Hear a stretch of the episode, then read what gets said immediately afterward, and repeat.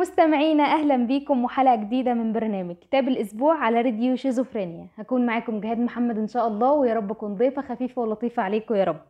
أتمنى إن أنتوا تكونوا بخير وكويسين وأتمنى إن فترة الامتحانات الصعبة والتقيلة علينا كلنا دي تعدي بإذن الله. وإن شاء الله بعدها كل حاجة هترجع لطيفة وخفيفة زي ما كانت وبإذن الله ربنا يوفقكم ويكتب لكم الصالح يا رب. أتمنى كمان إن أنتوا تكونوا سمعتوا حلقه الأسبوع اللي فات ويا رب الرواية تكون عجبتكم. وطبعا لو قرأتوا الرواية ما تنسوش تقولوا لنا رأيكم في الرواية ورأيكم في الحلقة هكون مبسوطة جدا جدا جدا. حلقة الأسبوع ده هتكون حلقة مختلفة شوية. يمكن أنا ما اتكلمتش عن الحاجة دي قبل كده وكنت مترددة كمان إن أنا أتكلم عنها. وبصراحة أصلا الكتاب وقع في إيدي بالصدفة. فلما قرأته حبيته جدا وقررت إن أنا لازم أقرأ في المجال ده كتير. حلقة النهاردة هتكون في كتاب أو ديوان عن الشعر الحر. ديوان النهاردة هو ديوان استيقظ لكي تحلم للشاعر والكاتب مريد البرغوثي. الديوان ده صدر من 2018 وهو بيحمل قصايد كتبها مريد البرغوثي من عام 2005 لعام 2018 في البداية خلينا نتكلم شوية عن مريد البرغوثي. هو اتولد في 8 يوليو 1944 وتوفي في 14 فبراير 2021 ربنا يرحمه يا رب ويغفر له بإذن الله. هو شاعر فلسطيني تلقى تعليمه الثانوي في فلسطين وبعد كده سافر لمصر عشان يكمل التعليم الجامعي وده كان في 1963 اتخرج من جامعة القاهرة في قسم اللغة الإنجليزية وأدبها وده كان في عام 1967 وده العام اللي احتل فيه الاحتلال الإسرائيلي احتل الضفة الغربية وكمان منعوا الفلسطينيين اللي هم كانوا برا فلسطين في الوقت ده إن هم يرجعوها تاني. فبكده اضطر إن هو يقعد بعيد عن بلده طول الفترة دي لأن هو ممنوع من الدخول ليها مرة تانية. مريد البرغوثي اتجوز الروائية المصرية الراحلة رضوى عاشور وليه ابن واحد منها وهو تميم البرغوثي. بالنسبة للكتب بتاعته فهو ليه 12 ديوان شعري وليه كتابين نثريين وهم رأيت رام الله وولدت هناك ولدت هنا. وإن شاء الله رأيت رام الله. أنا بصراحة يعني حاطاه في مخططات إن أنا أقراه الفترة الجاية فإن شاء الله هيكون في ريفيو لطيف عنه في الفترة الجاية بإذن الله. ديوان استيقظ لكي تحلم هو إهداء من مريد البرغوثي لزوجته الراحلة رضوى عاشور. وكمان الديوان فيه قصايد كتير يعني بصراحة في كذا قصيدة كده معلقين معايا وبحبهم هقول لكم عليهم. وآخر حاجة في في الديوان كاتب حاجة تحت عنوان افتحوا الباب لتدخل السيدة ودي كرسالة كاتبها لمراته رضوى عاشور. ودي بصراحة يعني من أكتر الحاجات اللي أنا حبيتها في الديوان كله يمكن هي مش محور الديوان بس أنا حبيتها جدا جدا.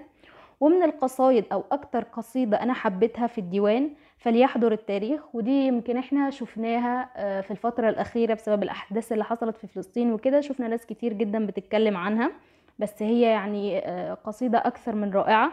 وفي قصيدة تانية مثلا بحبها اللي هي دون ضجة دي برضو حلو قوي بس طبعا مش هقدر إن أنا أقول لكم قصايد كتير ففي الآخر هقول لكم أكتر أكتر حتة من قصيدة عجبتني. وأتمنى إن هي تعجبكم وطبعا ما تنسوش لما تقرأوا الديوان ده أو إذا كنتوا قرأتوه قبل كده إن أنتوا تقولوا لي إيه أكتر قصيدة بتحبوها. كمان من القصايد اللي لفتت نظري وحبيتها آه لست قبيلة بنفسي. دي برضو قصيدة حلوة قوي ويمكن مش طويلة قوي هي أطول واحدة فليحضر التاريخ. وفي برضو قصيدة صغيرة اللي, اللي هي قالت الغيمة. دي عجبتني جدا جدا بصراحة. وفي واحدة اللي هي يمكن أصغر قصيدة خالص وهي إصغاء ودي صغيرة جدا وحسيت إن معناها لطيف. وفي كمان قال المصباح السحري. يمكن هما في قصايد كتير حلوة قوي ويمكن بصراحة أنا مش هعرف أحصرهم كلهم في الحلقة. وناس كتير يمكن عجبتها قصايد غير اللي أنا اللي عجبوني. آه وفي آراء كتير جدا حول الديوان ده. في ناس عجبها الديوان قوي وناس زي مثلا حبوا الشعر الحر لما قرأوه. وفي ناس تانية بتشوف إن ده من أضعف الشعر أو من أضعف الدواوين اللي نشرت لمريد البرغوثي. وكمان بيشوفوا إنه بيميل للنثر أكتر من الشعر في الديوان بتاعه ده. وده كان الرأي العكس اللي الناس بتتكلم عنه في الديوان استيقظ لكي تحلم. بصراحة أنا بالنسبة لي هو ديوان خفيف ولطيف ويمكن سهل إن أنت تفهمه اللغة بتاعته مش صعبة على أي حد إن هو يفهمها وهتحس إن هو حاجة اللي هو تبدأ بيها كده لو عايز تقرأ في الشعر الحر. أكتر حاجة أو أكتر حتة في قصيدة عجبتني هي في قصيدة فليحضر التاريخ ويمكن أنا هقرأها هقرأها لكم دلوقتي يا رب تعجبكم. وهي بتقول لسنا نشرة الأخبار بل لسنا مجرد خصمهم بل نحن نحن لنا صفات قبل أن يصلوا وبعد رحيلهم.